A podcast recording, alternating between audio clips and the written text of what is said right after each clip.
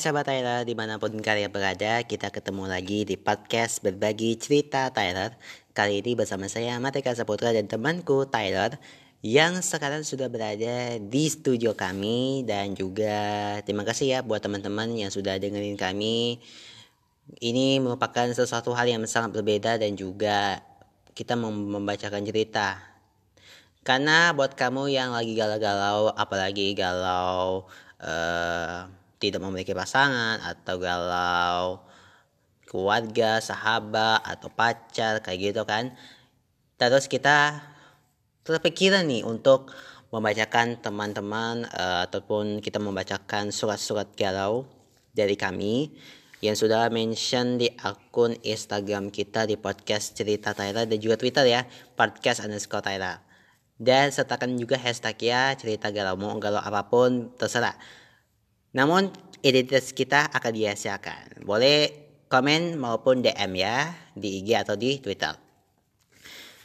Sebelum kita memasuki di segmen cerita galau kali ini, kita akan mau membacakan cerita galau yang pertama yaitu galaunya itu adalah penyesalan. Suatu hari hidup seorang perempuan manja yang memiliki seorang pacar yang setia.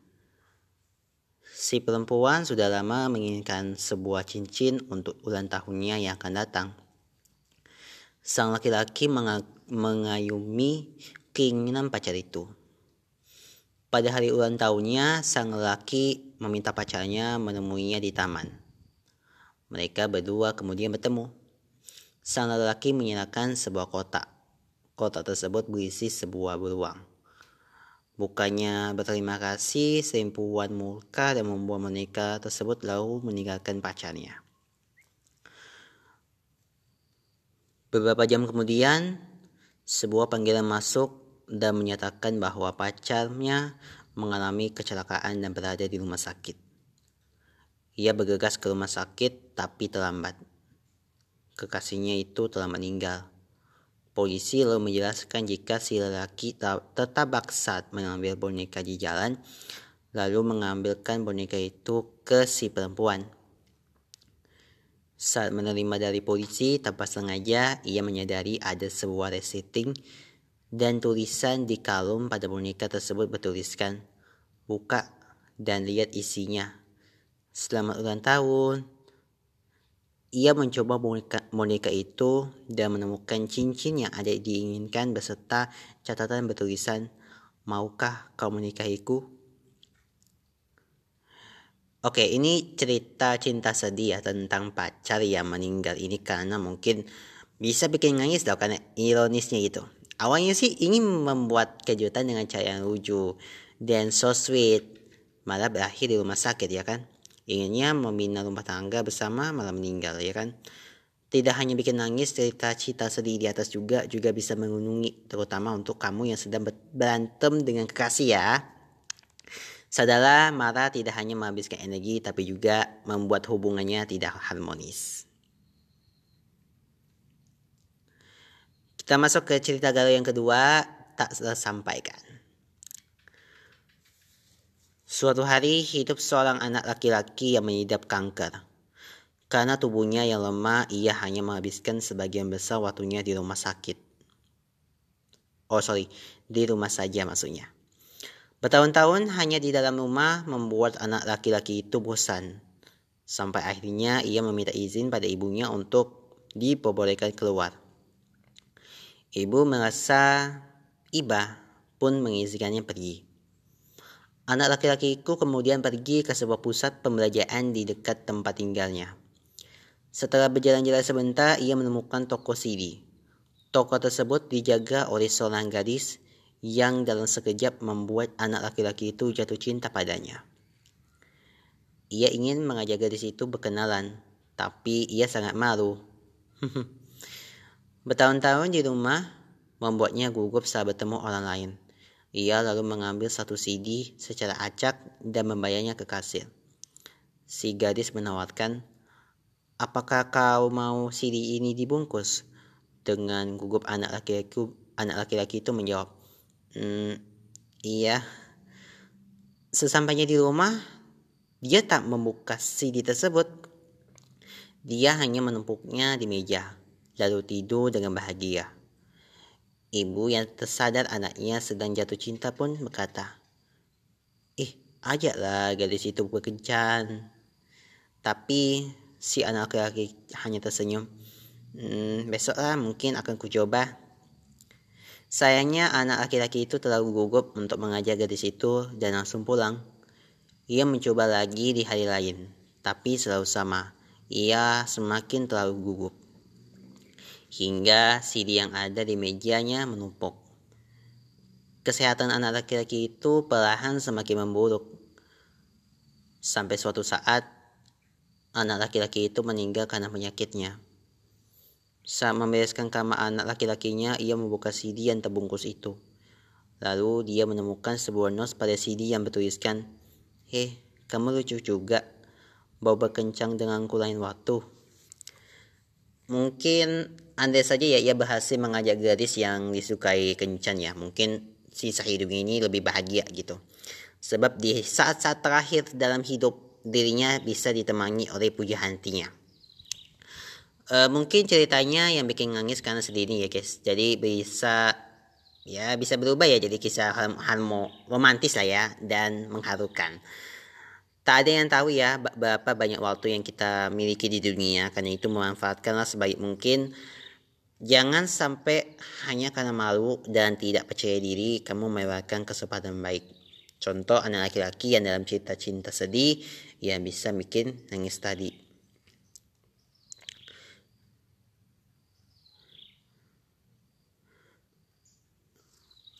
Sebenarnya sih ada sih ya uh, cerita galau yang kita mau bacakan, tapi beruntung inilah aku baca dulu ya cerita galaunya. Uh, sebentar. Mungkin kita gambar aja ya atau enggak ini. Oke. Kita masuk aja ya cerita galau yang ini. Oke. Jadi cerita yang bakal sedih yang Anda baca hari ini adalah uh, tentu ya sebagian besar dari Anda pernah ya mendengar kisah Hachiko seorang anjing yang setia menunggui pemiliknya di stasiun Shibuya Jepang selama 10 tahun. Kalau kalian agak-agak lupa gitu silahkan dengerin episode yang Hachiko di podcast kita di berbagi cerita tadi. Di situ ada sejarahnya. Jadi Jepang selama 10 tahun si anjing ini tidak pernah tahu ya sang pemilik sebenarnya telah meninggal dunia dan tak akan pernah menemuinya lagi. Namun kisah serupa yang terjadi di Taiwan atau Tainan Taiwan ini tidak dialami seekor anjing, melainkan seorang lelaki berusia separuh baya. Si lelaki ini menemui kekasihnya yang tidak pernah datang selama 20 tahun silam. Cerita sedih ini bahwa saat Aji, si lelaki masih berusia 27 tahun. Ketika itu, Haji jatuh cinta dengan seorang gadis dari Tainan. Dan mereka berjanji untuk pergi kencang ke sebuah tempat. Nah, Aji dan sang gadis pujian sepakat untuk bertemu di stasiun Tainan. Namun, di waktu yang telah ditentukan, si gadis tak muncul. Tidak diketahui pasti apakah mereka hendak untuk melakukan kencan pertama ataukah e, mereka saling sudah saling mendengar satu sama lain ya untuk beberapa waktu lalu. Namun yang jelas sepertinya si gadis ini tak terlalu tertarik untuk berkencan dengan Aji saat itu. Nah awalnya nih Aji ini menunggu gadis yang ia cintai tidak datang lantaran ada halangan atau mungkin dia mengalami sesuatu. Namun nih hingga sampai saat ini Haji ini tidak pernah tahu mengapa si gadis itu tak muncul hari itu. Sejak hari itu, Haji memutuskan untuk tetap menunggu si gadis di tempat itu. Kini 20 tahun sudah berlalu dan Haji masih di situ. Haji memilih jadi gelandangan dan merasa kelaparan. Ia hanya bertahan hidup dari belas kasihan pejalan kaki dan dinas sosial setempat. Keluarga nya ini tidak tinggal diam. Mereka mengirimkan makanan dan pakaian ganti dari waktu ke waktu. Pernah sekali waktu keluarganya berusaha untuk mengajaknya pulang, namun Ajinya menolak. Bahkan ketika dinas sosial menawarinya tinggal di rumah pengampunan, Aji ini tetap pada pendiriannya dan menyatakan bahwa ia sudah biasa menunggu. Oke, entah seperti apa ya sosok gadis yang bisa membuat Aji ini semakin teguhnya. Jika si gadis memang ini benar-benar penduduk Thailand ya, bisa jadi ia menghindari kawasan stasiun agar tidak bertemu dengan Aji. Atau bisa pula ya Aji itu tidak lagi mengenai gadis yang hendak ia temui sebab masa 20 tahun cukup lamanya ya untuk membuat hmm, penampilan seorang berubah sulit dikenali.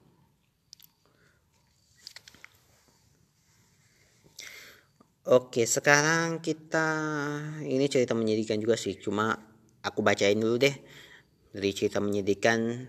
Kalian bisa kalian dengerin ya episodenya ya uh, hari ini.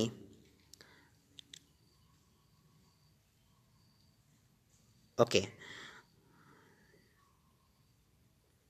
ini aja deh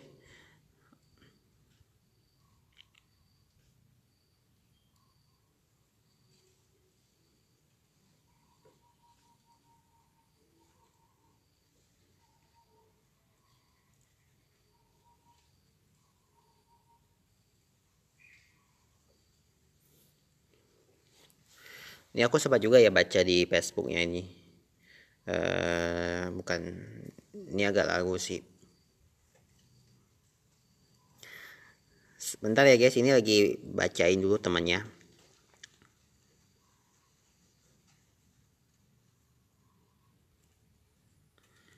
Uh,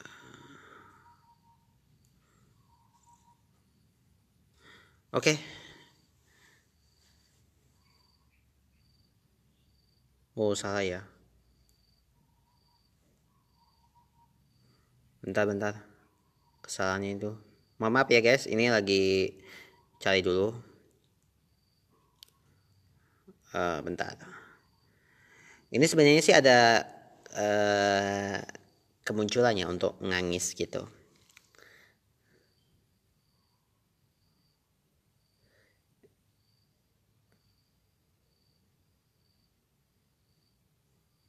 Oke. Sekarang kita baca Oke. Yang ini deh dari penulisnya ini. Oke, kita baca ya. Judulnya adalah Kamu yang masih kuharap.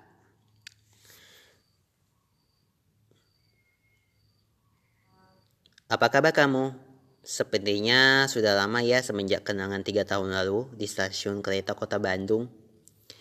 Ingin rasanya menyapa dan bertukar pesan denganmu. Tapi aku bisa apa? Semuanya tampak asing sekarang.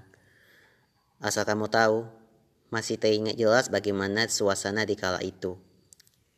Di saat kamu menungguku di dekat motor di depan stasiun dengan senyum yang canggung, baju yang seadanya, dan tak lupa motor kesayanganmu itu yang sering kamu banggakan.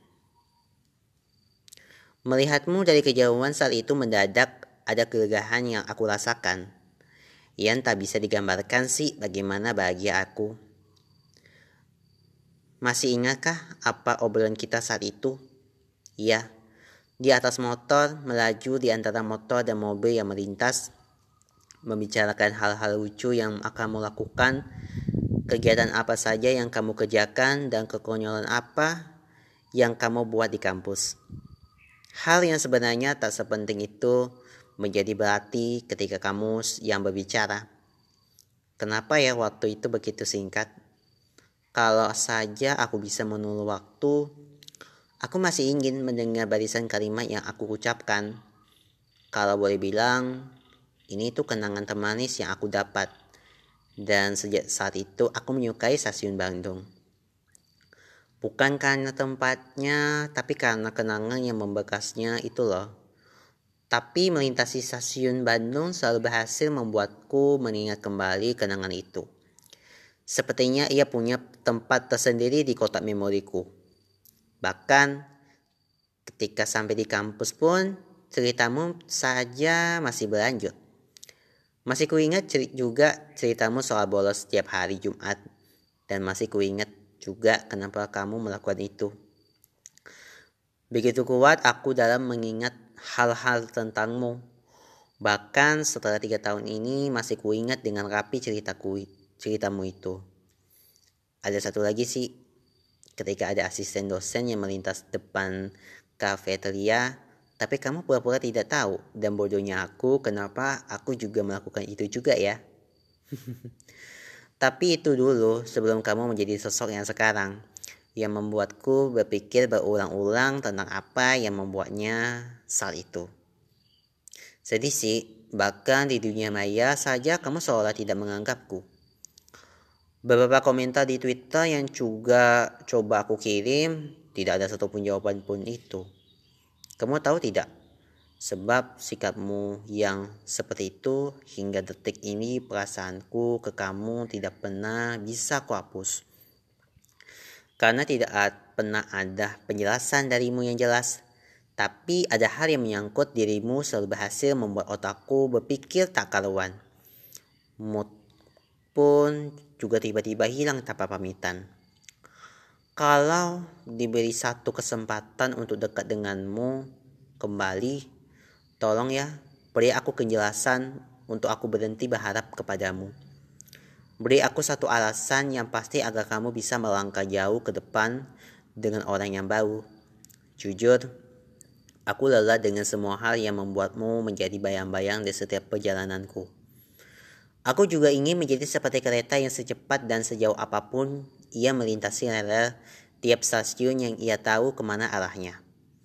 Tidak seperti aku, ia melangkahnya pun tidak tahu berhenti, tidak tahu akan berhenti di mana. Entah di tengah jalan atau justru di awal perjalanan, sudah tidak pernah diperbolehkan melanjutkan. Tolong kasih aku jawaban untuk aku berhenti di titik ini. Aku aku lelah dan biarkanlah aku melangkah seperti kereta yang punya titik akhir dari sebuah perjalanan. Pesan untuk kamu sosok yang masih diam-diam kuharapkan kehadirannya. Semoga kamu sedang bahagia dengan jalanmu dan kisahmu meski itu tanpa aku.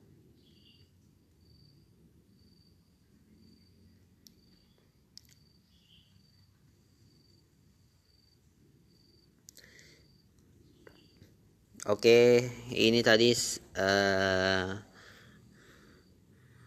cerita sedih, tapi ya itulah persahabatannya setia ya guys.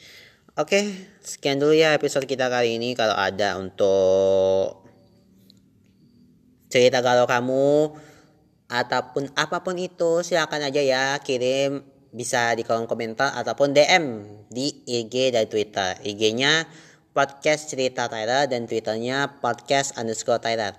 Dan gunakan hashtag berbagi cerita Tyler dan hashtagnya lagi cerita galau.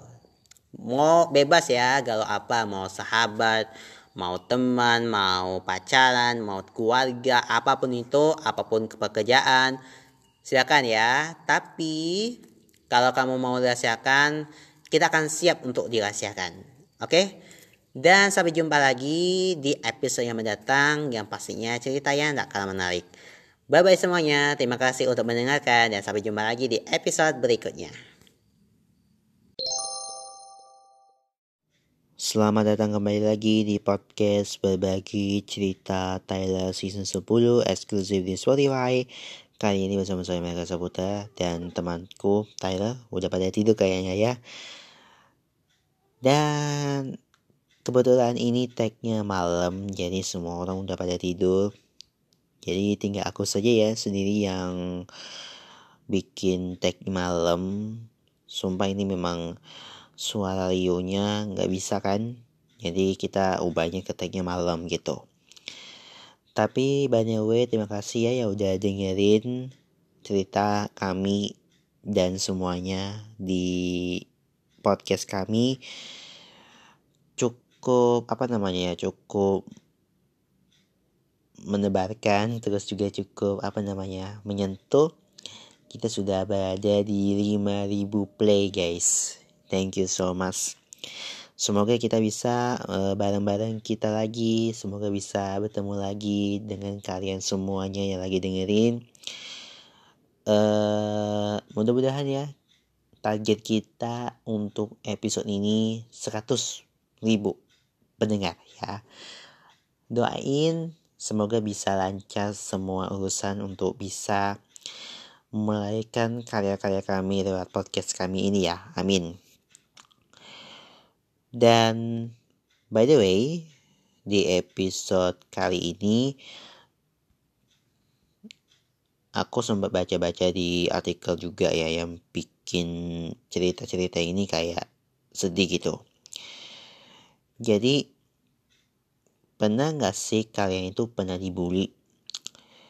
Ya memang eh, cerita suka nggak suka ini bully ini nyatanya kini masih tetap terjadi ya tidak hanya di Indonesia.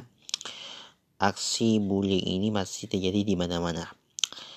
Ada banyak cerita tentang yang sudah beredar lah mengenai bullying dari yang berakhir bahagia hingga berakhir dengan air mata gitu. Nah, cerita-cerita soal kasus ini tentunya diharapkan bukan hanya menjadi sekedar bahan bacaan iseng-isengan, tetapi juga pelajaran bagi siapa pun juga sih. Karena pernah ada satu baca artikel, jadi korban bully ini surat terakhir gadis 15 tahun bikin sedih. Jadi setidaknya ini itu juga yang diharapkan oleh seorang ibu yang anaknya menjadi korban. Dia bernama Linda Travan.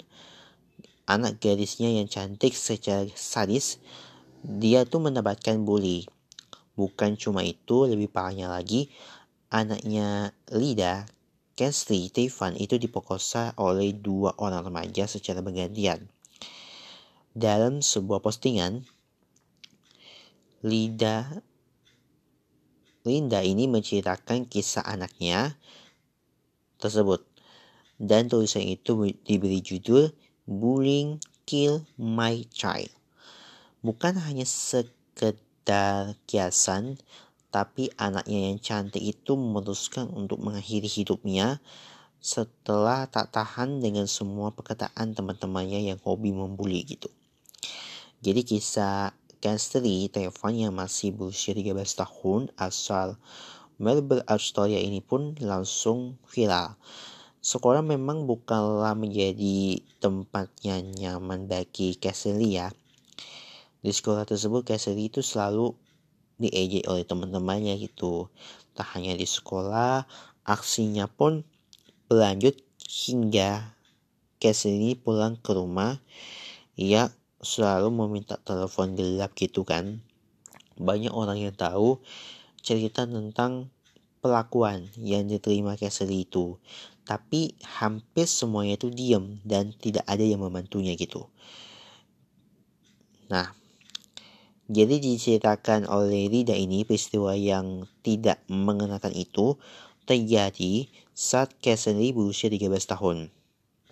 Jadi berbagai teman-teman atau berbagai hal terima oleh Cassidy dan teman-temannya ini dimulai dari ditampal lah, dikata-katai oleh di media sosial lah, hingga rumahnya itu yang dilempari oleh kulit pisang guys.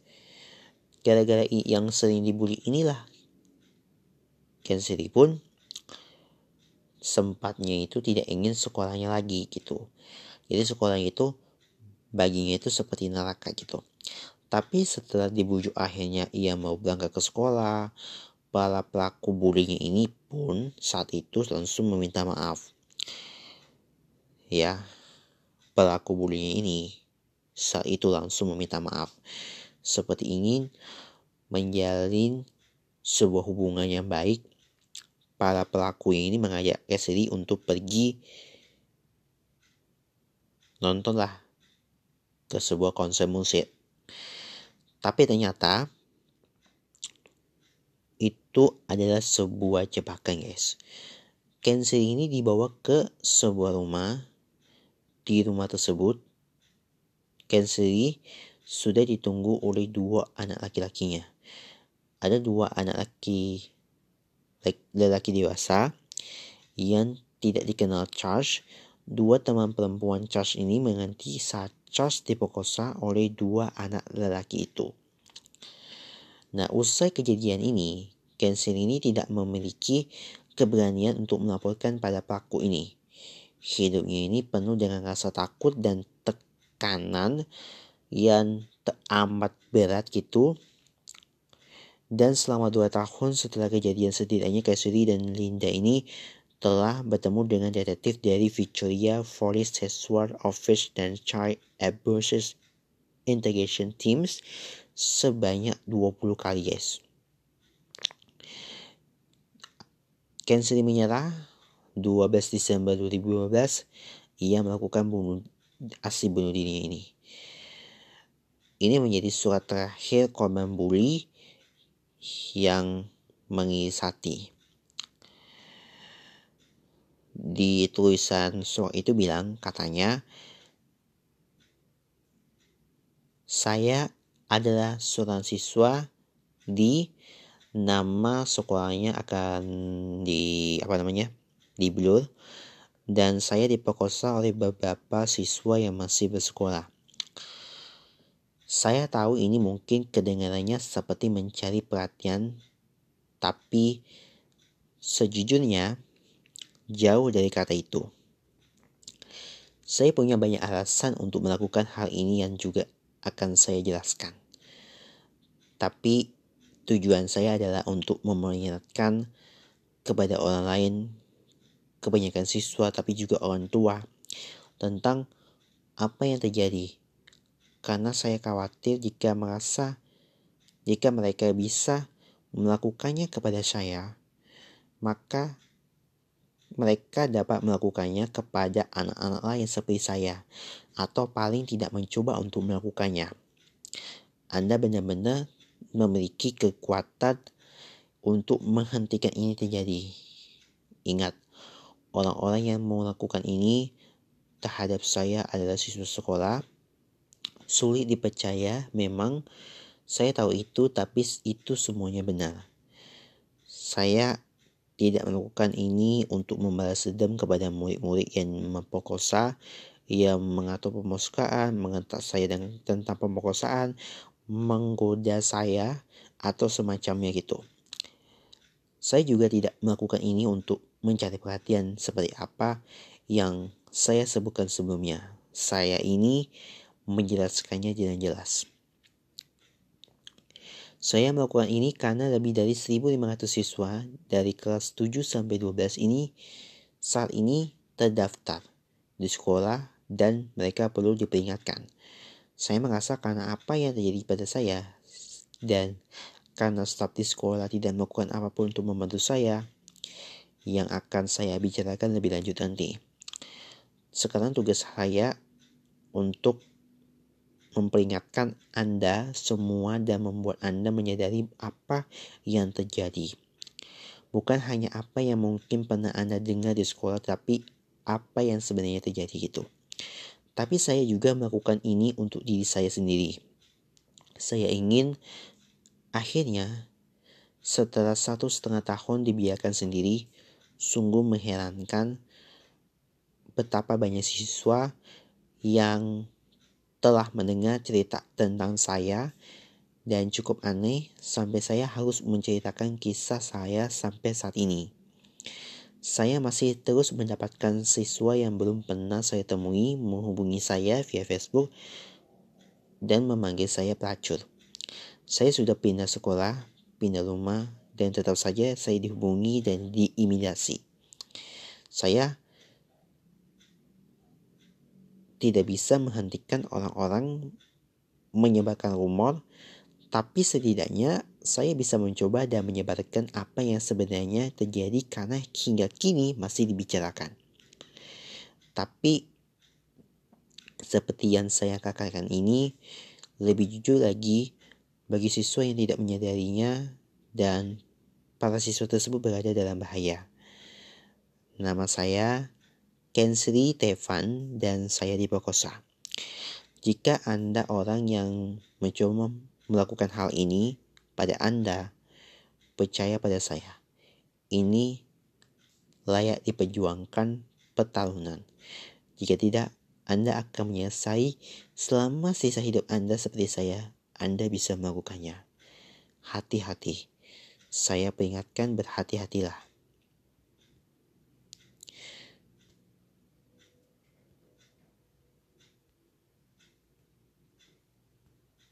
Oke, kita lanjut.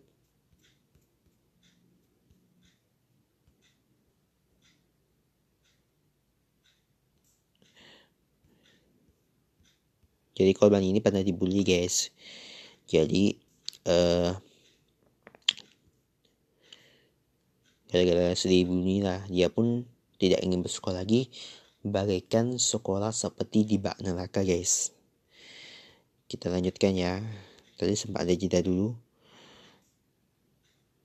Iya.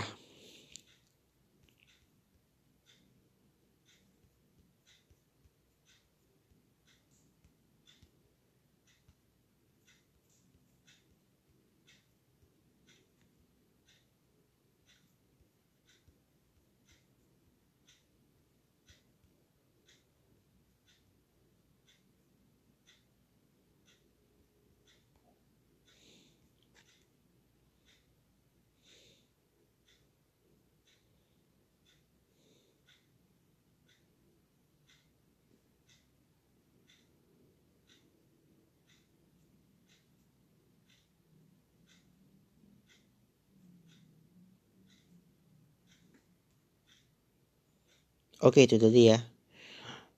Jadi ini adalah surat terakhir gadis 15 tahun bikin sedih. Artikel ini dibuat pada 18 November 2017. Selanjutnya, uh, ada juga di kisah sedih dari Kuaden Bares anak korban bully yang menangis histeris. Jadi, seorang anak bernama Qualden Blaze, 9 tahun, menangis histeris di dalam mobil saat sedang ibunya ini menjemput dari sekolah. Dia berkata, Give me a love, I want to kill myself. Ungkap bocah itu dalam sebuah video yang diunggah sang ibu di Facebook. Jadi, Quaden mengungkapkan keinginannya ini untuk bunuh diri. Dia berkali-kali meminta kepada sang ibu untuk memberikan tali agar ia bunuh diri gitu. Pisau agar dia bisa menusuk tepat di jantungnya. Dan uh, dia juga menangis ketika mengatakan, Aku ingin seseorang membunuhku. Sang ibu, Yaraka, sengaja mengunggah video tersebut agar para orang tua bisa mendidik anak-anak mereka untuk tidak melakukan perundungan. Dan pada 5, 5 menit video awal video tadi, itu Beres menyatakan, saya baru saja menjemput anak saya dari sekolah. Ia kerap mendapatkan perundungan terus-menerus. Saya telah menghubungi kepada sekolah dan saya ingin orang-orang tahu inilah akibat dari perundungan. Inilah yang dilakukan para pelaku perundungan. Jadi, ya kala ini juga meminta agar para orang tua melalui videonya mampu mengedukasi anak-anak Anda, keluarga, dan kawan-kawan Anda karena itu yang dibutuhkan dan Anda akan bertanya-tanya mengapa banyak anak ini bunuh diri gitu. Selama ini, Yaraka Bales selalu menyimpan tangis sang anak sebagai suatu hal yang bersifat vivasi. Namun kali ini ia memutuskan untuk membagikannya kepada publik agar perilaku bullying ini tidak terjadi lagi. and Balance kerap mendapatkan perundungan kepada kondisi Fips yang dialaminya. Jadi dia merupakan suatu kelainan yang dialami oleh seseorang sehingga tinggi badannya ini berada di bawah rata-rata ukuran manusia lain. Ini bukan pertama kali ya guys. Ya kalau beres ini mendapatkan hinaan terhadap anaknya gitu. Sebelumnya, seperti dilansir dari Daily Mail Australia pada 2015, Beres ini mengunggah video Quaden saat sedang melakukan berbagai ekspresi dan mimik wajah di depan cermin di sebuah rumah sakit di Bimbes, Australia. Video itu kemudian banjir dengan beberapa kehinaan terkait dengan kondisi anaknya. Dan bahkan ada seseorang yang tega menyatakan itulah yang terjadi jika Anda mengkonsumsi obat-obatan saat hamil gitu. Dan dia cukup membuat balance terkejut. Sungguh berlebihan saya mengunggah video di laman pribadi saya dan tidak berharap akan dipakukan dengan semakin rupa gitu. Dan video itu dibagikan beberapa kali dari laman pribadinya dan sejak itu beberapa komen negatif bermunculan. Kepada media, ia mengaku membagi video anaknya berekspresi di depan cermin adalah wujud rasa bangganya atas pencapaian sang anak sehingga membuatnya ingin untuk berbagi kebahagiaan itu. Jadi tidak ada seorang pun yang ingin dengar hal buruk tentang anak mereka atau ketika mereka mengalami perundungan.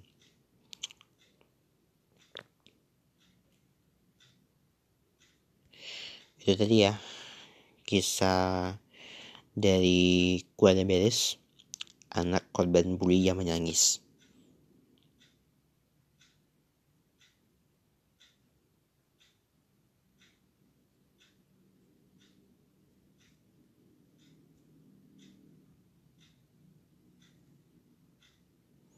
Oke. Kita akan ada tentang temanya bullying ya guys. Jadi kita akan bahas satu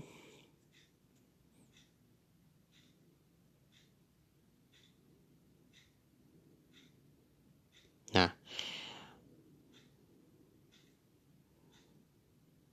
jadi ada lima anime, drama, film Jepang bertema bullying yang harus kalian tonton. Nah, yang pertama itu adalah Koe no Kanachi atau Australian Voice. Dia merupakan sebuah film anime Jepang bertema drama sekolah yang disutradarai oleh Naoko Yamada. Film ini menceritakan kisah reuni antara Soya dan Soko dan usaha untuk menembus kesalahannya di masa lalu. Sebagai anak murid sekolah dasar yang nakal, Soude Ishida menghilangkan kebosanan dengan cara membuli. Saat Souko Nishimida yang tidak bisa mendengar masuk ke kelasnya. Sota dan seluruh anak-anak di kelas dengan sengaja mengejek dia untuk bersenang-senang. Namun, saat ibu dari Hishida mengetahuinya, ia disalahkan atas semua hal yang telah dilakukan pada anaknya dan Ismiya pun pindah dari sekolah. Dan sejak saat itulah, Soya ditinggalkan oleh teman-temannya sekelasnya. Ia tanpa henti dikucilkan dari sekolah dasar hingga sekolah menengah. Di tahun ketiga sekolahnya, Soya masih dibuti oleh kesalahan dan sungguh-sungguh telah menyesali perbuatannya di masa lalu. Dia lalu berniat untuk bertemu dengan Soko sekali lagi untuk dan menembus kesalahannya. Jadi film Asa Forest ini diadaptasi oleh Marga dengan judul yang sama yaitu ditulis dan diilustrasikan oleh Yosoki Oima. Film tersebut tayang perdana di Jepang pada 17 September 2016 dan ditayangkan di bioskop Indonesia pada 27 April lalu.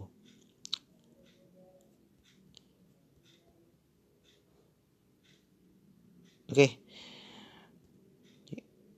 Yang rekomendasinya Alzheimer Voice ya. Dan itu tadi panjangnya ceritanya ya. Jadi membuat kita merasa sedih banget. Dan apa namanya ya?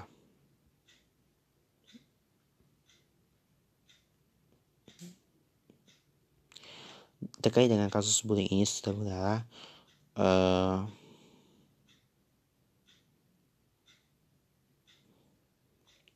terkait dengan kisah dari cerita dari tadi itu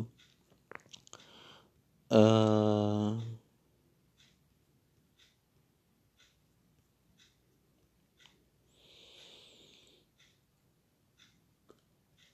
sebenarnya sih sekolah itu perlu apa namanya menciptakan kultur sekolah yang nyaman, aman, dan sehat sehingga anak dapat berinteraksi dengan teman-teman dengan baik.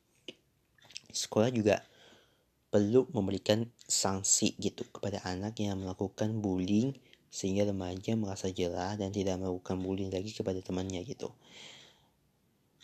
Dan ini berpengaruh kepada orang tua dan guru perlu mengajarkan kepada anak dan remaja untuk menyelesaikan masalah bukan dengan cara kekerasan dan menghakim sendiri, melainkan dengan pendekatan musyawarah bersama untuk mencari solusi yang baik dan guru ini memahami atau menanamkan nilai-nilai agama dan moral yang baik sehingga anak bisa saling menghormati dan menghargai.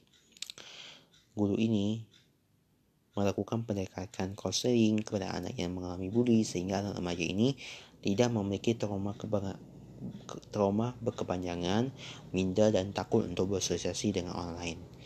Oke, itu tadi ya pesan-pesan dari kami dari kami untuk untuk kalian semua yang lagi dengerin. Thank you banget yang dengerin. Sampai jumpa lagi di episode berikutnya